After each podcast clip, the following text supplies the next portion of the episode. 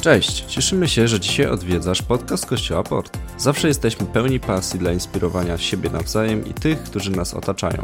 Wiemy, że mówienie z serca do serca jest czymś, czego każdy z nas potrzebuje. Zatrzymanie się na chwilę i zastanowienie nad kluczowymi rzeczami w życiu to coś, co pozwala się rozwijać, a co najważniejsze, zbliża nas do Jezusa, który dla każdego ma nieskończoną miłość i bezwarunkową łaskę. Zachęcamy, posłuchaj zawartych tutaj myśli, nawet jeżeli to dla Ciebie coś nowego. Modlimy się, żeby treść tego podcastu mogła w realny sposób budować Twoje życie. Uwielbijmy Boga. Panie, dziękujemy Ci za Twoją dobroć. Panie, dziękujemy Ci za Twoją łaskę.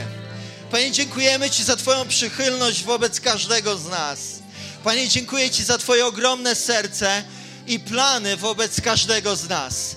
Panie, dziękuję Ci za to, co zrobiłeś w tym roku w naszym życiu, przez nasze życie i dla nas osobiście, ale też dla nas jako dla wspólnoty. Panie, wywyższamy i uwielbiamy Ciebie. Jak możemy Ci nie podziękować za to, kim Ty jesteś i co zrobiłeś?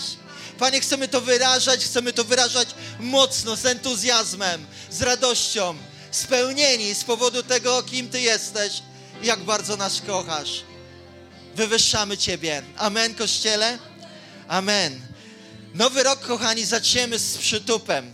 Już 6 stycznia, w sobotę, nie może Ciebie zabraknąć, dlatego że chcemy odświeżać sobie wizję, chcemy zabrać się z tym, co Bóg dla nas ma w przyszłości, chcemy to zrobić z wiarą, chcemy to zrobić z przekonaniem, że Bóg z nami jest, że nam błogosławi, ale też będziemy cieszyć się i świętować tym, co Bóg zrobił w tym roku. E, to, to będzie wyjątkowy czas, sobota, godzina 17, nasz wieczór wizji. Potrzebujemy być tam razem, kochani. Ja sam nie poniosę wizji. Co więcej, nie poniosę wizji z tym tylko rzędem, ani z tym, ani tylko z tamtym. Potrzebujemy po prostu być tam razem, kochani. Amen? Amen. Dobrze, słuchajcie, mamy Sylwestra, więc y, dobrze byłoby jakiś taki humor tutaj wprowadzić. Tak? Już moja rodzina czuje, że robi się niebezpiecznie. No więc będą suchary. Zaczniemy od pierwszego, bo dzisiaj to jest taki dzień, gdzie różne rzeczy sobie ludzie życzą, nie? Jak myślicie, jakie jest życzenie babci i stron internetowych? Tak, najpierw odpowiedź. Jakaś, jaka, jakiś pomysł? Brawo, żeby nikt nie odmawiał ciasteczek. Super, fantastycznie. Dobrze. Kto to? Maksym taki? A, widzę, że te same strony czytasz. Dobra, czego Bóg życzy matematykom? Jak myślicie? Wielkich sum, dobrze żeby polubili księgę liczb. Dobra, i ostatnie. Jakiej marki auta życzyłby ci Jezus? Kostek, coś dla ciebie. A nie, ty już masz auto. To jest taka gra słów. Proszę odpowiedź.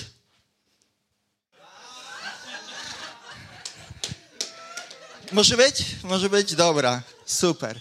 Słuchajcie, tematem dzisiejszego kazania jest czego życzy Ci Bóg. Czego Tobie życzy Bóg? I chciałbym, żebyśmy zaczęli od e, obietnicy, którą już tutaj przywołała Karolina na początku. E, I ona jest zapisana e, w księdze e, Jeremiasza w 29 rozdziale. Będę czytał od wiersza 11. Ja wiem, jakie wciąż z wami, jakie wiąże z wami plany, oświadcza Pan. To plany o pokoju, a nie o niedoli. Chcę dać wam szczęśliwą przyszłość i uczynić was ludźmi nadziei.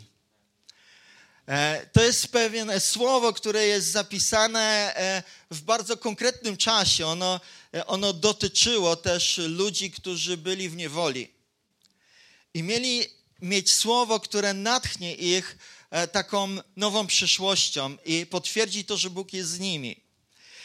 I, I one są przede wszystkim skierowane do Izraela w niewoli babilońskiej, ale jak z każdym słowem zapisanym w Biblii, my to rozciągamy na nasze życie. My to odnosimy do naszego życia, dlatego że Biblia, moja Biblia, Twoja Biblia jest adekwatna do Twojego życia. Jeżeli Bóg coś wyraził w tej księdze, to dotyczy również Ciebie.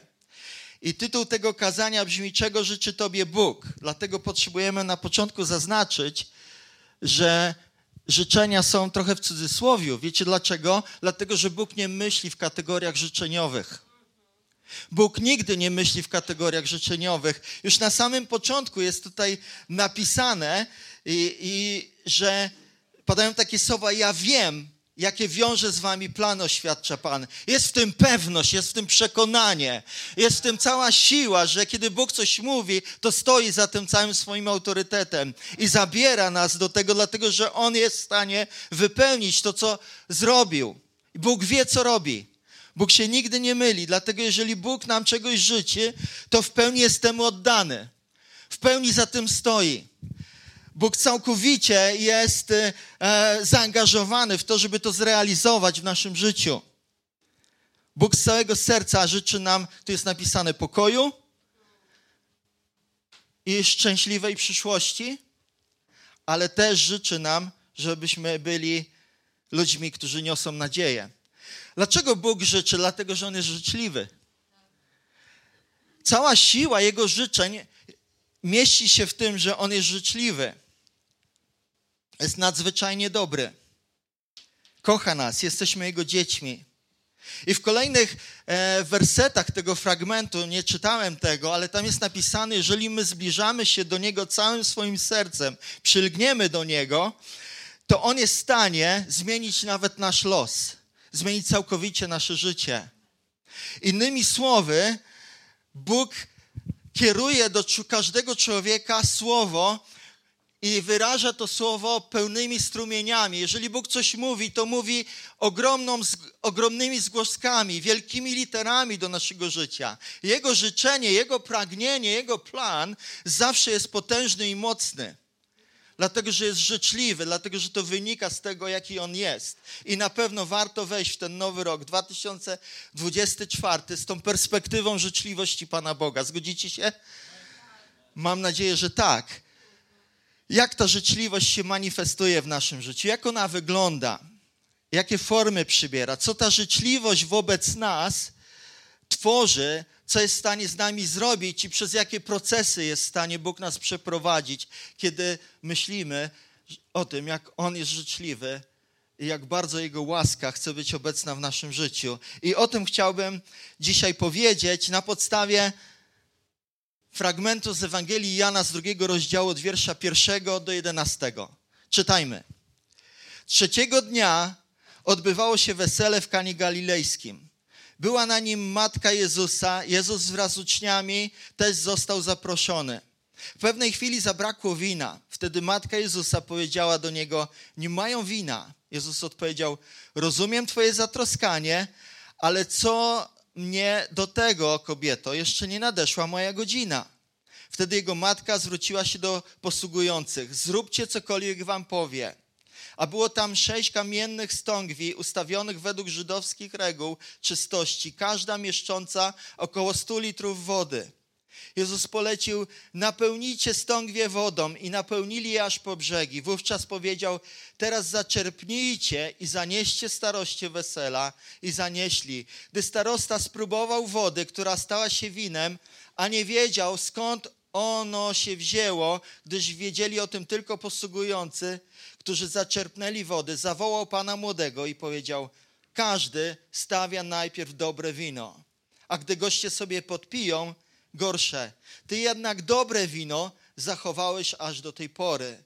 W taki właśnie sposób w Kanie Galilejskiej Jezus dał początek znakom, ukazał swą chwałę i sprawił, że uczniowie uwierzyli w Niego. To był pierwszy cud, jakiego dokonał Jezus. Bóg rozpoczął pewną historię z, w osobie Jezusa Chrystusa poprzez ten cud. I w tym cudzie, w tym e, w tej zamianie wody w wino stało się coś więcej niż tylko to, że woda zmieniła swój skład. Dlatego, że Bóg używa pewnych cudów, używa rzeczy, które coś nam chcą powiedzieć. I, i powiem tak, wszystkie żydowskie wesela w tamtym czasie nie trwały jeden dzień czy jeden wieczór do 11 albo do 12 do oczepin, ale trwały tydzień. Ludzie tam prowadzili otwarte domy podczas wesela. Wyobrażacie sobie? To było jak w tramwaju. Ludzie wchodzili i wychodzili, wchodzili i wychodzili i tak cały tydzień. Nie wiem, Julita, czemu się śmiejesz? Pewnie byś nie dała rady. Ja chyba też nie. Ale takie były wesela w tamtym czasie. Ludzie świętowali z krewnymi, ze znajomymi, z przyjaciółmi, z nieznajomymi. Pewnie i przypadkowe osoby tam były na doczepkę. Ja kiedyś tak zrobiłem, wiecie? Byłem u znajomego na ślubie w Świdnicy. Byłem dobrze ubrany, coś jak teraz, w tym stylu. Wyszedłem z knajpy i patrzę, jest kolejna knajpa i też dobrze dają jeść. Wszedłem, nikt się nawet nie zorientował. Skorzystałem tylko z toalety. Ale naprawdę, jak to pewnie dla tych ludzi to było obojętne, jak impreza była na 100 osób. I podobnie w tej historii, słuchajcie, to był proroczy cud. To wskazuje też, że Jezus, kiedy przyszedł na to wesele, to on bardzo dobrze czuł się w tym środowisku. Wesele nie jest mniej godnym miejscem dla Syna Bożego niż Góra Przemienienia, niż Zmartwychwstanie. Jezus po prostu lubi być w codzienności, w naszej codzienności, w tym, co nas spotyka e, i w weselach, które wtedy miały miejsce. Jezus był zaproszony przyszedł i dokonał czegoś fenomenalnego. Dlaczego to musiało się stać? I co się w ogóle stało? To rozmnożenie wina pokazuje nam, jak bardzo Jezus chce połączyć się ze swoją oblubienicą, którą jest Kościół. Kościół jest panną młodą. Jest napisane, że na końcu będzie pił wino razem z nami i będzie się cieszył z wesela, jakie będzie miał ze swoim kościołem. I to, co miało wtedy miejsce, zapowiada to, co jest przed nami. Więc jeżeli siedzisz na tym miejscu i myślisz sobie, co mnie jeszcze spotka, spotka cię wesele.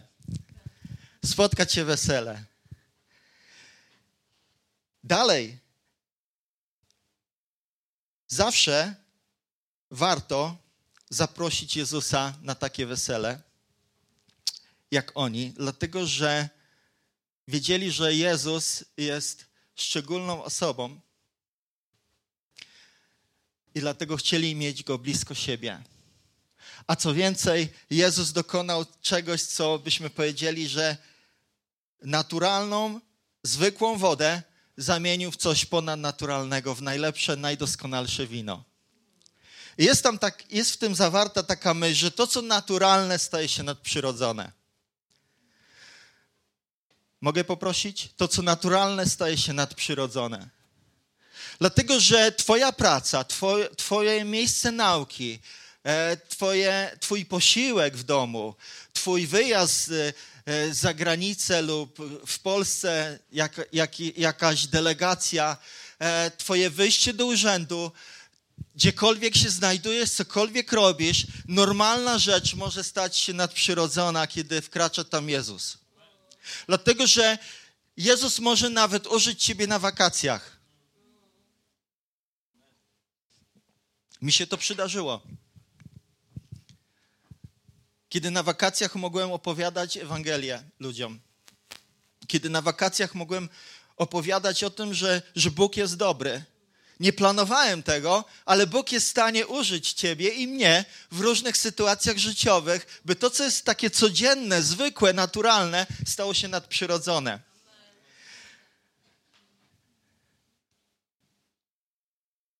Twoja gościnność, oddanie wobec współmałżonka, oddanie wobec dzieci, wobec rodziców, dzieci wobec rodziców.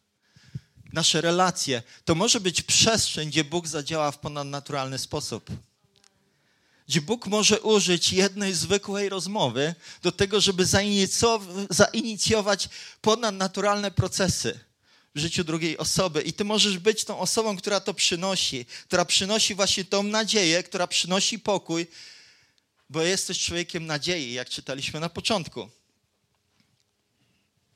W żydowskich domach trzymano różne dzbany i wykorzystywano je do różnych celów. Ludzie przychodzili, te dzbany akurat, używane były do tego, że kiedy ludzie przychodzili i musieli trochę umyć swoje nogi, to gospodarz tej wody używał do tego, żeby przemyć z kurzu nogi. A potem używał tej wody, może nie tej brudnej, ale czystej ciągle, do tego, żeby przemyć też ręce pomiędzy posiłkami. W tamtej kulturze ludzie bardzo dużo jedli i często jedli, jeżeli ich było na to stać. Bo posiłek był czymś ważnym.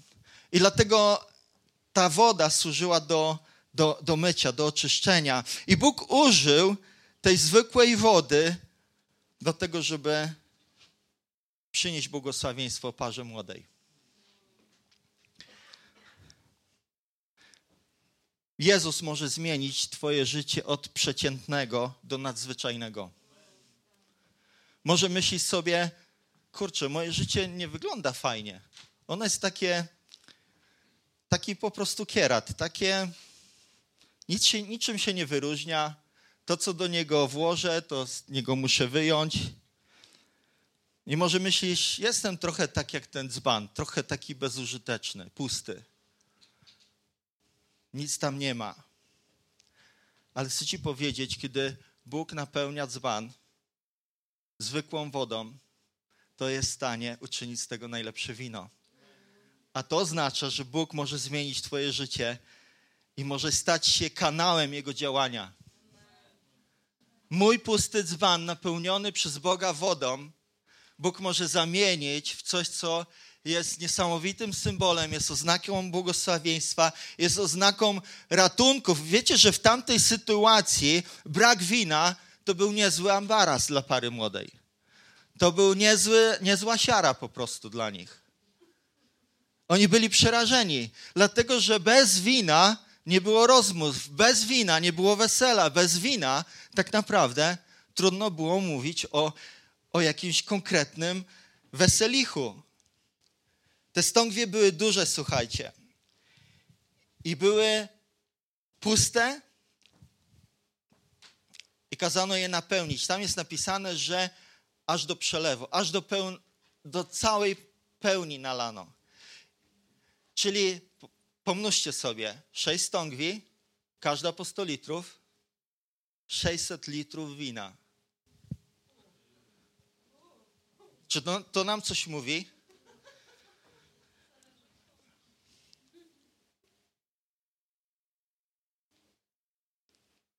To oznacza, że Bóg jest w stanie zająć się naszymi potrzebami w najbardziej ekstrawagancki i hojny sposób. 600 litrów wina. Ja nie wiem, czy tam tyle było potrzeba. Ale to mogło też oznaczać, że Bóg wyposażył ich już w przyszłość. Że Bóg dał im więcej, niż oni w tym momencie potrzebowali, bo Bóg taki jest. Bóg jest życzliwy. I Bóg daje więcej niż to, co my potrzebujemy. Amen? Potrzeba jest zaspokajaną obfitym zaopatrzeniem. Później Samarytanka miała się przekonać o tym, że zwykła woda ze studni to jest coś, nie, co jest coś niewystarczającego, że Jezus jest w stanie dać wodę życia. Tak? Mamy więcej takich historii, gdzie Bóg zaspokaja w niesamowity sposób. 600, 700 litrów. To jest naprawdę bardzo dużo. Bóg może spowodować przepełnienie każdego kielicha, każdego dzbana.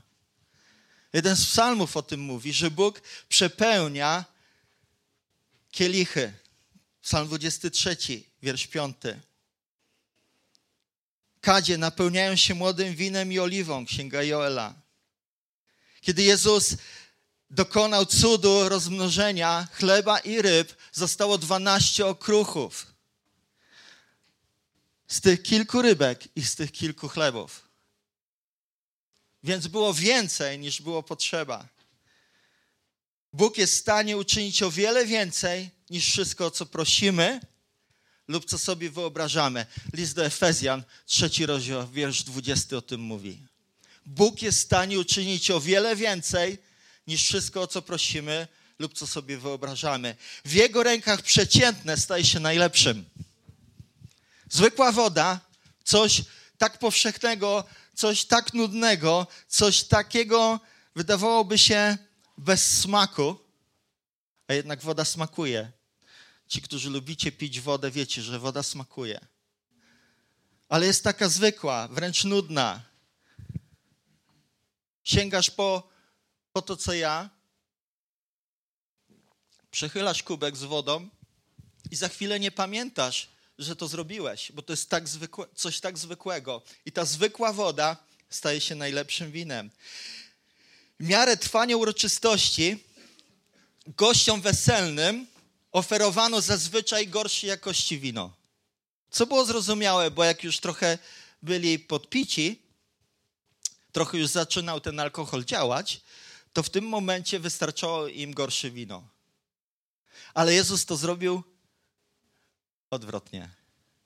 Czy to nie zastanawiające? Jedna ze strategii diabła, przeciwnika naszych dusz, polega na tym, że on zawsze oferuje na początku, mówi, to jest niesamowite, ale koniec tego jest niewarty tego. On zawsze oferuje nam to, co jest niby najlepsze, mówię o szatanie, ale pozostawia ciebie z najgorszym. Syn marnotrawny zaczął balangę z prostytutkami, ale skończył ze świniami.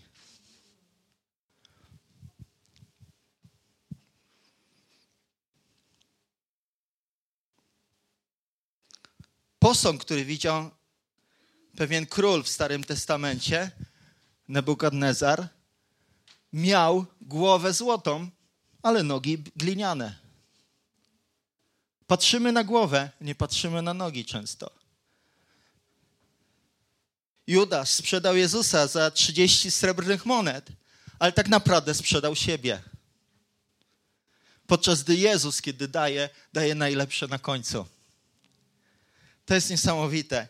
Z Bogiem jest zupełnie inaczej. On najlepsze zatrzymuje na koniec. Przechodzimy od wiary do jeszcze większej wiary, od chwały do jeszcze większych wyżyn chwały.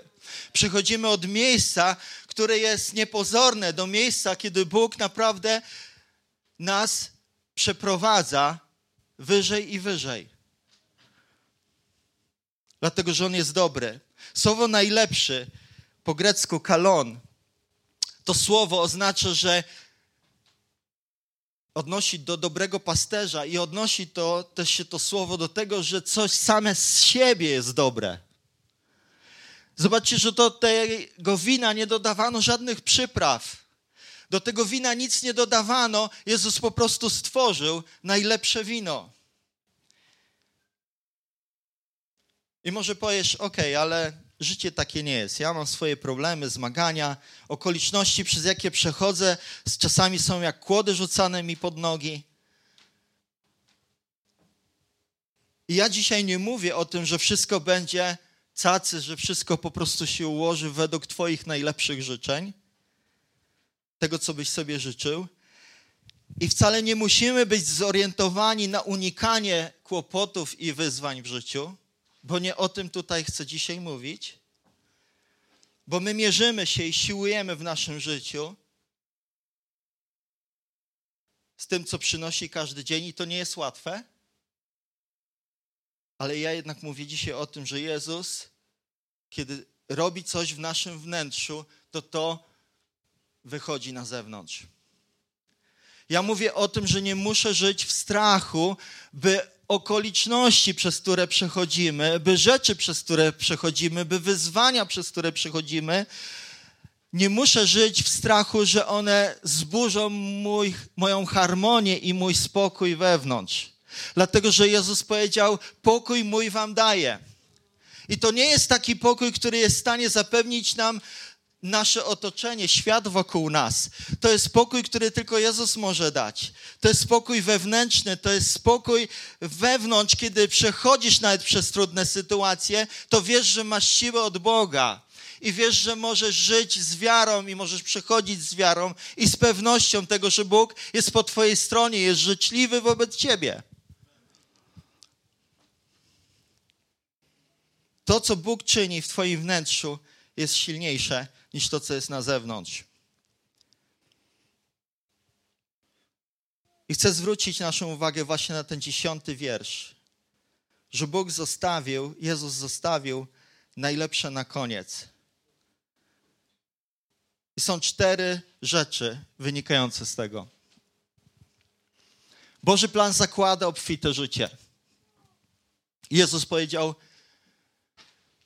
że Jego owce będą miały obfite życie. To jest Jego obietnica, to jest Jego życzenie, to jest coś, co On chce realizować. Ja przyszedłem, żeby owce miały obfite życie. Boży plan zakłada, że Kościół będzie nie do zatrzymania. Dlatego, że Bóg zostawił to objawienie i przekazał to uczniom, że żadne bramy piekła nie są w stanie zatrzymać progresji Kościoła, postępów Kościoła. Kościół jest zwycięski.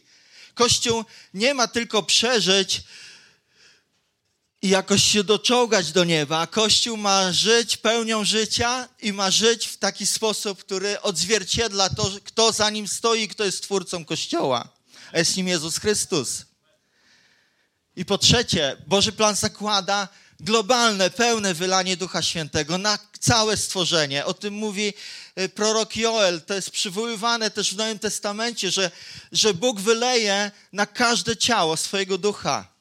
A to nowe wino, właśnie ten symbol Ducha Świętego, ono jest dostępne dla każdego, kto wierzy w Chrystusa a w czasach ostatecznych wyleje mego ducha na wszelkie ciało. I po czwarte, Boży plan zakłada żniwo w czasie ostatecznym. Na koniec Bóg powiedział, że będziemy rządzić bez znużenia, będziemy zbierać bez znużenia, czyli nie będziemy się tym nudzić, bo będziemy mieli ręce pełne roboty. I to jest Jego obietnica, to jest Jego życzenie dla Kościoła. Cokolwiek widzisz wokół, cokolwiek się dzieje wokół, jedna jest prawda, skierowana do Kościoła, że Bóg zaplanował żniwo. To jest Jego obietnica, to jest Jego życzenie. Jak powiedziałem, życzenie nie życzeniowe, ale takie, które jest pewnością, do którego Bóg chce wzbudzić naszą wiarę. Czy możecie wstać?